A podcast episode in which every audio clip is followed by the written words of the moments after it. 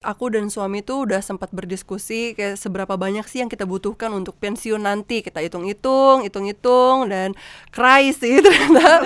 Wow, ternyata kaget angka segitu di 20 30 tahun dari sekarang tuh wow banget kan.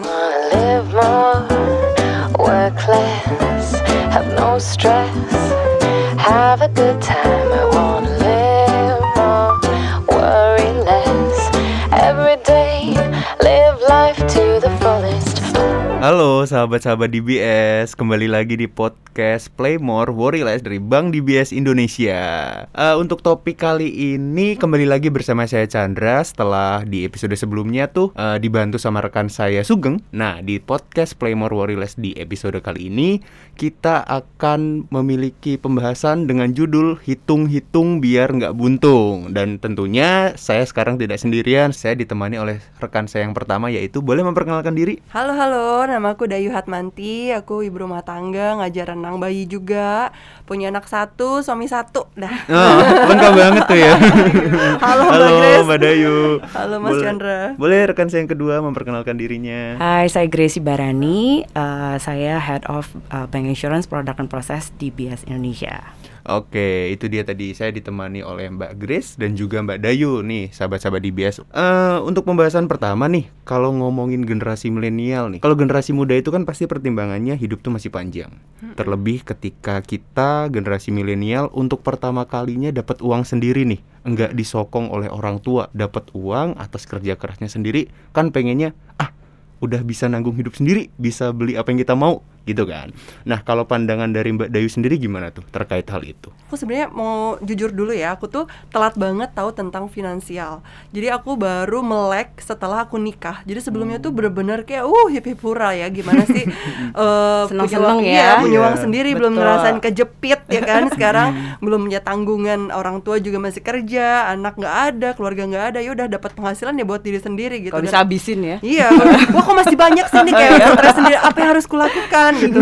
Dan kerjaanku tuh dulu adalah uh, traveling TV presenter. Jadi uh, jalan-jalan keliling mana-mana nih ke Indonesia ada yang ke mana-mana juga. Uh, kan itu dibayarin ya sama Iya. kantor, sama brand, sama yang kerja sama. Jadi aku nggak ngerasa kayak ng- sering ngeluarin uang. Jadi uang tuh kayak wah lumayan masih ada aja terus gitu dan nggak kepikiran untuk savings. Ada sih sedikit cuman kayak investasi untuk uh, mengelola pos-pos keuangan tuh kayak belum melek karena nggak ngerasa ada kebutuhan itu waktu betul, itu. betul, betul. Dan menurut aku tuh setelah aku tahu kayak wow gila hidup gue bahaya banget nih dulu kalau gimana kok tiba-tiba nggak ada kerjaan udah kan selesai kan Iya. gitu. Jadi eh, pas setelah nikah baru aku eh, melek nih oh ternyata uang itu harus dikelola ya. Hmm. Kalau nggak dikelola ya sebenarnya pasti habis-habis aja gitu mau. betul. Makanya dibilang uang gak ada. Benar-benar. Pokoknya Iya, lewat-lewat lu kayak aja. suka-suka aja beneran dan apalagi di- didukung aku tuh nggak banyak ngabisin em, uang untuk living cost gitu kan karena memang banyak habis di jalan. Tuh tapi kan itu kan dulu ya setelah baru nikah jeng wow biaya Ternyata. popok ya kan? Ada lagi nanti sekolah anak yang lebih mahal dibandingin eh, biaya kuliah saya dulu gitu. Baru kebuka deh ya fresh yang school ya lain ya. ah bener-bener bener itu kayak baru melek deh mata kita Hmm, bener juga sih relate sih Mbak Grace juga dengan misalnya saya kaitkan dengan diri saya sendiri ya yang uh, first jobber nih kemudian ketika nerima gaji tuh kayak ah saya mau beli ini ya ah saya mau beli ini dulu nggak kesampaian tuh ketika masih ditanggung sama orang tua tapi akhirnya saya bisa beli sendiri gitu kan Puas-puasin dulu deh Bener, gitu ya. masih Apa lagi yang kemarin puas-puasin. belum dapet sekarang nih waktunya gitu Bener. kan. nah kalau pandangan Mbak Grace sendiri terkait hal itu gimana Mbak Ya, kalau untuk eh, penghasilan sendiri, memang pasti ya, mostly tuh pinginnya eh, awal dapat tuh pinginnya pakai untuk keinginan kita, untuk memuasin kita. Tapi eh, seperti yang tadi Dayu bilang, eh, sekarang dengan adanya kita sharing hari ini, kita mau sama-sama alert lagi gitu. Kalau yang namanya penghasilan itu benar-benar harus di manage dengan baik supaya masa depan kita itu cerah. Karena eh, kita tuh kerja sekali tapi hidup dua kali loh. Pertama kita hidup sekarang sama nanti buat ke depan gitu kan. Oke. Itu yang kadang-kadang Iya, kita iya, nggak iya. aware, nikmatin, habisin Yang gitu. sekarang aja ya, lupa. Mbak, ya, Betul. bener-bener. Kita lupa bahwa kehidupan kita tuh fasenya ada panjang gitu. Tuh kan kayak tadi Dayu bilang habis nikah, wah ternyata di fase yang baru punya anak, ternyata eh, kebutuhan tuh nggak segini-gini acan gitu ya. Ada banyak nih gitu, yang baru kita sadar setelah eh, kita masuk ke fase eh, kehidupan selanjutnya gitu loh Chan. Tapi Mbak Dayu saya mau tanya deh, kalau semisal kita sudah merencanakan planning finansial kita nih, ketika sudah berumah tangga, sudah punya anak gitu, ada nggak sih tiba-tiba eh, keharusan kita untuk membayarkan sesuatu yang di luar planning itu? Tiba-tiba eng ing eng, ada yang baru nih tiba-tiba gitu gimana Mbak? Percayalah hidup itu penuh kejutan. itu yang, yang setelah aku nikah kayak wow ternyata kejutan itu banyak berupa yang mengagetkan mengagetkan kayak gitu selalu ada gitu kan. Tiba-tiba oh ternyata aku baru tahu kalau anak tuh nggak cuma sekolah ntar ada perintilan lesnya nih kayak tiba-tiba dia pengen mainan ini kah.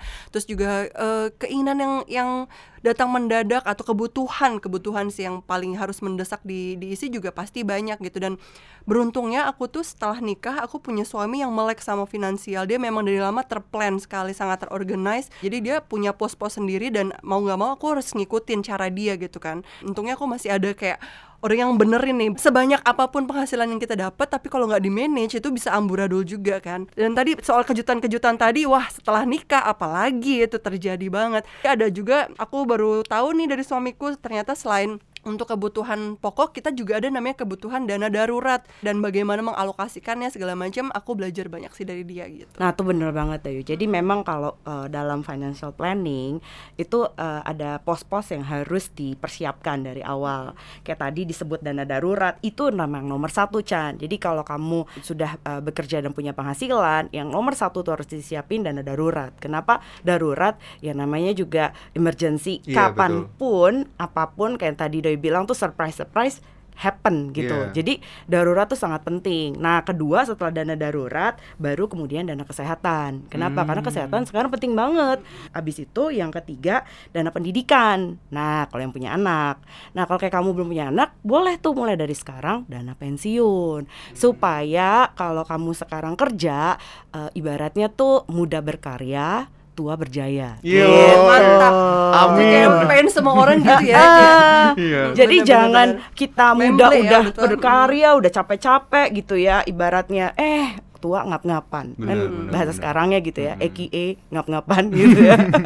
Jadi ya kita pasti mau yang tadi dong nomor satu kan. Untuk Mbak Dayu nih, saya mau Mm-mm. tanya, eh, gimana caranya eh, mengalokasikan pendapatan bulanan kita nih? Ya, jadi sebenarnya yang paling penting dilakukan tuh aku pertama kali tuh dibedah dulu sama suamiku kita screening dulu apa sebenarnya pengeluaran yang fix kita di rumah. Jadi dengan tahu kita seberapa banyak yang kita keluarkan, itu kita bisa ngira-ngira seberapa besar juga yang bisa kita sisihkan untuk tiap posnya. Yang harus terpenuhi kan adalah yang pokok dulu kan. Kita Betul. nanti kita investasi gila-gilaan tapi makan Indomie tiap Iya, hari. nggak sehat ya. mie instan maksudnya ya kan maksudnya kita eh, juga nggak balance kayak Iya, gitu betul. kita harus bisa memenuhi kebutuhan pokok dulu abis itu bergeser kayak tadi dana darurat diisi dulu Betul. posnya seperti itu jadi mengetahui dulu eh, kondisi kesehatan finansial kita sendiri itu seperti apa dan Ah. mengukur sebanyak eh, pos-pos mana dulu yang harusnya jadi prioritas gitu karena eh, buat single sama yang menikah tuh udah beda banget baru abis itu kita eh, melangkah ke investasi gitu kan oh, langkah mm, kedua investasi betul. betul. mm-mm. Jadi jangan dibalik gitu. Nah, di sekarang kita akan ngomongin gimana sih caranya sahabat-sahabat DBS itu untuk mikirin nih rencana jangka panjangnya gimana. Dan perlu diingat juga kalau rencana jangka panjang itu nggak untuk diri sendiri aja, tapi juga untuk orang-orang terkasih. Kalau sahabat-sahabat DBS udah punya orang terkasih gitu. Oke, gimana tuh Mbak Grace eh, untuk memulai planning rencana jangka panjang? Ya, untuk rencana jangka panjang atau kita bicaranya perencanaan pensiun lah ya. Hmm. Karena kan tadi kita sama-sama agree hidup itu nggak sekali ya. Betul. Kerjanya sekali, hidupnya dua kali, masa sekarang, masa depan, masa tua. Nah, kita kalau misalnya udah tahu nih hari ini kita ngebahas tentang jangka panjang, eh, kita harus mulai dari sekarang. Kenapa? Kalau kita mulai dari sekarang, sedini mungkin masa produktif kita, kita punya waktu yang cukup panjang jadinya untuk bisa persiapin, bisa ngumpulin, gitu ya, bisa mengakumulasikan apa yang budget-budget apa yang kita eh, punya gitu. Kalau nanti, nanti, nanti, wah nggak akan Menunda terus Eh, ya, eh. kalau menunda terus. kalau Indonesia tuh eh, apa bangsa kita tuh sering banget kan eh, tip- tipikalnya tuh nunda tarsok tarsok gitu ya. Nah sekarang ini nggak bisa. Kalau mau punya masa depan yang cerah kayak tadi ya masa depan yang jaya ya harus mulai dari sekarang. Hmm, gitu gitu. Kalau Mbak Dayu gimana Mbak Dayu? Kalau aku sama suamiku kayak punya mimpi nih nanti mau kayak gimana kita yang paling pertama pengen kita wujudkan adalah kita nggak mau mengulang si sistem sandwich generation lagi. Ah, kita nggak mau eh, apa ya melegasi ke anak kita kalau dia untuk akan jadi eh, generasi yang terjepit gitu kan. Harus I- nopang kita Iya, gitu kita nggak kan. mau eh, jadi beban dia nanti di masa depan. Walaupun sebenarnya ngasih orang tua itu kan baik ya, Hal tapi baik, jangan betul. sampai itu jadi Membebani, membebani betul. anak gitu. Jadi kita juga harus financially eh, Freedom. freedom dan stabil di saat Yes. itu gitu. Bener banget banget tadi Mbak Grace bilang semakin dini kita mulai, semakin banyak yang bisa kita persiapin, nominalnya juga bisa lebih kayak nggak terlalu dipush gitu iya kan. jadi nggak ngap-ngapan Heeh. gitu Dan banyak yang heeh, aku dengar eh, orang baru kepikiran untuk memikirkan uang pensiun ini di saat menjelang pensiun dan itu kayak mepet banget gitu Betul. kan. Itu Dan- survei yang membuktikan Dayu. Mm-mm, itu mm-mm, bukan cuman kita Katanya- ngobrol-ngobrol katanya ya. sekarang ya. Survei membuktikan bahwa eh, hanya sekitar 30% orang Indonesia yang siap pensiun. Hmm, Ya, secara finansial nih ya. betul Oke, oke. gitu. Dan Mm-mm. bahkan ya mungkin orang tua-orang tua kita yang pensiun juga dan mereka menerima mungkin yang eh, apa mendapatkan eh, berkah mendapat pensiun dari negara kita, itu pun mereka standar hidupnya banyak yang Berubah harus ya. iya harus Mm-mm, di-adjust mm-mm. loh gitu. Karena Mm-mm. berbeda kan yang mereka terima eh, waktu pas masih dalam bentuk gaji dengan tunjangan pensiun, tunjangan pensiun, pensiun, betul. Ini yang harus sadar, tahu nggak sih teman-teman kalau kita mau coba hitung-hitung ya, misalnya, soalnya kan tadi dibilang kita harus hitung-hitung nih gitu kan, biar nggak buntung. Eh, Kira-kira misalnya nih, tahu nggak Chandra berapa sih dana pensiun buat jangka panjang nih yang harus disiapin dari sekarang? Sepengetahuan saya, pertimbangan dana pensiun itu ngitungnya dari rata-rata usia manusia di Indonesia. Kayak semisal di Indonesia itu rata-rata sampai usia eh, 70 tahun. Terus kita mau pensiun di usia 50 tahun. Berarti ada 20 tahun kita akan menuju ke situ. Jadi Betul. uang yang kita siapkan itu 20 tahun harus untuk biaya hidup. 20 tahun. Betul. Betul ya? Ya kurang lebih seperti itu, tapi ngelihatnya 100 buat Chandra. tapi melihatnya gini, tambahin lagi. Jadi kali-kaliannya istilahnya kita sekarang ini kira-kira nih dengan biaya hidup sekarang yang em, kita merasa sudah berkecukupan tuh berapa total? Misalnya, Hmm. let's say kita ambillah eh, satu angka 8 juta gitu ya. Oke. 8 juta tuh kita udah termasuk biaya-biaya dan juga eh, living cost kita Hmm. semuanya. Oke, berarti kalau misalnya seperti tadi Chandra bilang mau eh, di usia 50 pensiun, 20 tahun kemudian masih mau hidup Mhm. dan punya standar gaya hidup yang sama seperti sekarang, berarti kan as simple 8 juta dikali 12 ditahunin dikali 20. Betul. Cuma masalahnya, let's say, tapi itu aja hitungannya tahu nggak berapa? Berapa ya? 8 juta kali 12 kali 20. 8 juta kali Udah 12 hampir tuh. 2 miliar loh. 2 miliaran itu. Belum Ya kan? inflasi ya nggak sih Mbak? Nah, Hmm, itu dia. Iya, itu yang kan? aku bilang. Itu baru hitung-hitungan kasar. Hmm. Nah, si 8 juta sekarang ini nilainya 30 tahun nanti itu setara dengan 28 juta. Oh. Jadi 8 juta sekarang Udah nih berapa mau hidup kayak lipat, begini heeh. nih, nanti biayanya itu 28 juta. Hmm. Nah, berarti kalau gitu hitung-hitungannya yang harus disiapin 28 Pan, kali kali 12 12 kali kali 20. Nah tuh, Ayo Kak Kuatar sahabat keluarin. DBS, mari silahkan dihitung. berjamaah ini ya kita. Kurang Benar, lebih benar. sekitar 6,9 M kali ya. Mm-mm. Gitu. Hmm. Ya nyaris-nyaris 7 M. Hmm. Nah, itu yang harus disiapin dari sekarang. Baru kan kita pikir, wow, gede banget ya gitu. dari mana tuh duit ya Nah. kan? Aduh nyesel beli sepatu baru. Jadi makanya dari situ kita harus benar-benar uh, wise kan dibilang Hmm. ya, punya financial uh, apa uh, melakukan financial treatment dan allocation kita dengan wise. Nah, kalau misalnya uh, Chandra udah tahu kayak gitu dan Dayu juga udah uh, denger nih, oh kurang lebih segitu. Kira-kira apa nih yang harus disiapin? Nih, coba. Kalau Dayu gimana? Apa yang disiapin? Aku dan suami tuh udah sempat berdiskusi kayak seberapa banyak sih yang kita butuhkan untuk pensiun nanti. Kita hitung-hitung, hitung-hitung dan cry sih ternyata.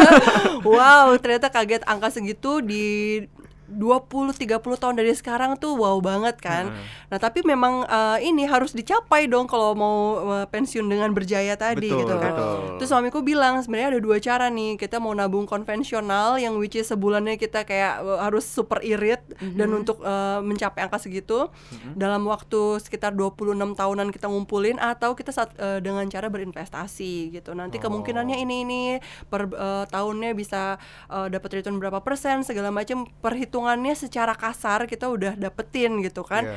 Eh, memang pusing tapi harus dihadapin ya mbak Betul. Eh, kalau dihindarin terus kayak eh, waduh nanti makin mepet makin mepet waktu pensiun malah justru Iya persiapannya berantakan malah- Mm-mm, bener malah jadinya yang tadi aku bilang ngap-ngapan gitu. Betul, mm-mm. Kalau dari sekarang kan punya tadi ya eh, jangka waktu cukup Spare waktu panjang, yang panjang, gitu kan. Jadi- Energi pun masih banyak betul gitu kan. gitu. Kalau memang harus ada lagi eh, apa income yang harus ditambahkan, nah itu juga jadi bisa masih bisa dipikirkan, Dipikirkan, gitu, betul. nggak mepet istilahnya.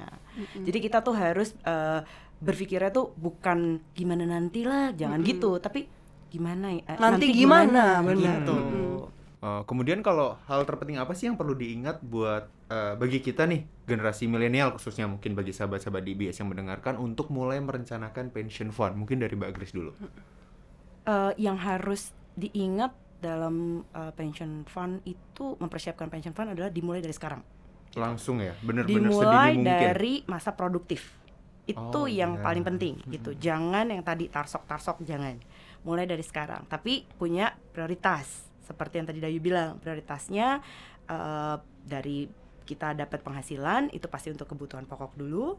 Kemudian dana darurat kemudian hutang kalau misalnya ada kredit apa Betul. segala macam habis itu mulailah pos-pos yang tadi. Pos kesehatan pos pendidikan dan pos pensiun.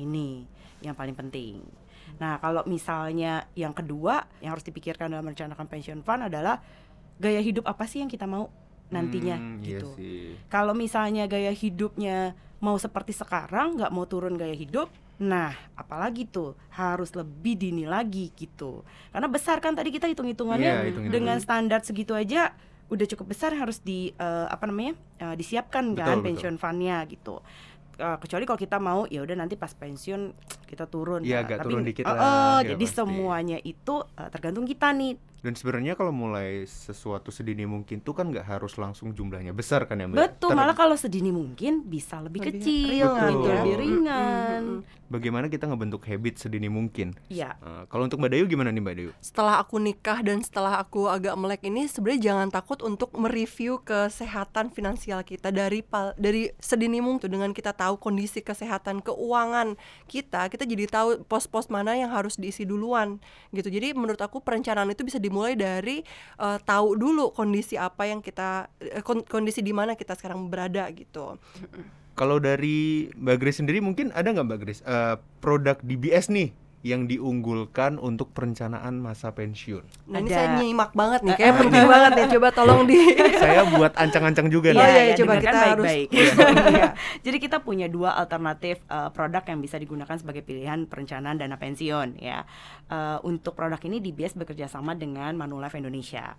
Satu pertama eh, produknya namanya MeTracer Future Life Saver atau kita singkatnya itu MIFO gitu. Hmm, Yang kedua MeTracer Ultimate Protection atau kita singkatnya MITUP. MIFO dan MITUP biar gampang ya. Iya, ingatnya boleh, ya. boleh. MIFO dan MITUP.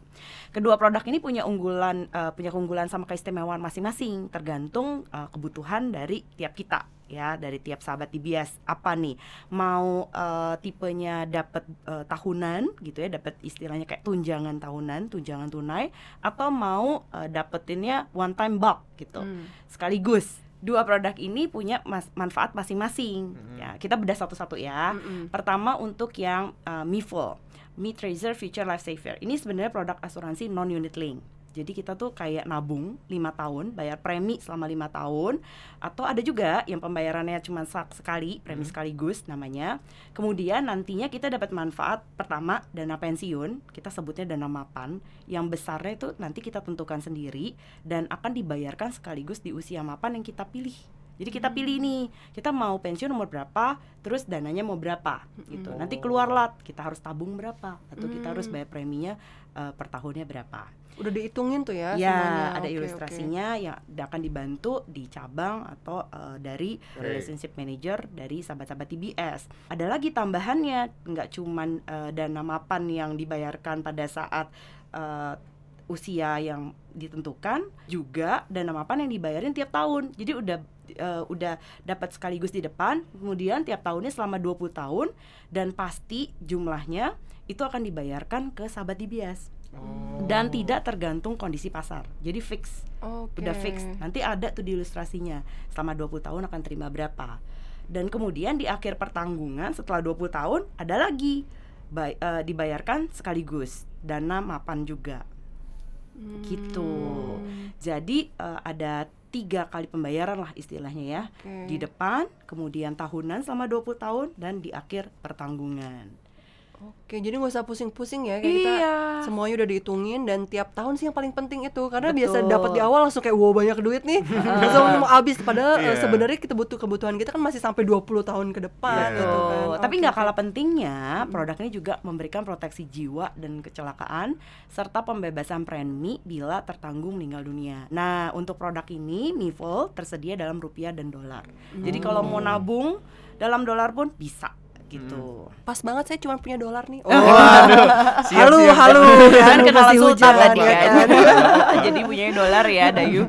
Ada lagi yang kedua produk Mitup Mitrazer Ultimate Protection. Ini Oke. adalah jenis produk asuransi unit link. Jadi kalau yang Mifol tadi itu non unit link, kalau yang ini produk unit link. Nah, ini bisa digunakan sebagai pilihan perencanaan dana pensiun karena pertama 100% premi yang dibayarin itu sepenuhnya dialokasikan pada instrumen investasi. Jadi dari pembayaran premi pertama sampai tahun ke-7 itu 100% dimasukin ke instrumen investasi. Kedua, ada tambahan investasi sebesar 2% dari premi yang dibayarkan di tahun ke-8. Jadi eh, tahun ke-8 dan seterusnya kalau terus bayar eh, bukan hanya 100% dialokasiin, ada tambahan 2% dari Manulife jadi 102% dimasukkan ke investasi. Kemudian fleksibilitas dalam berinvestasi. Kenapa?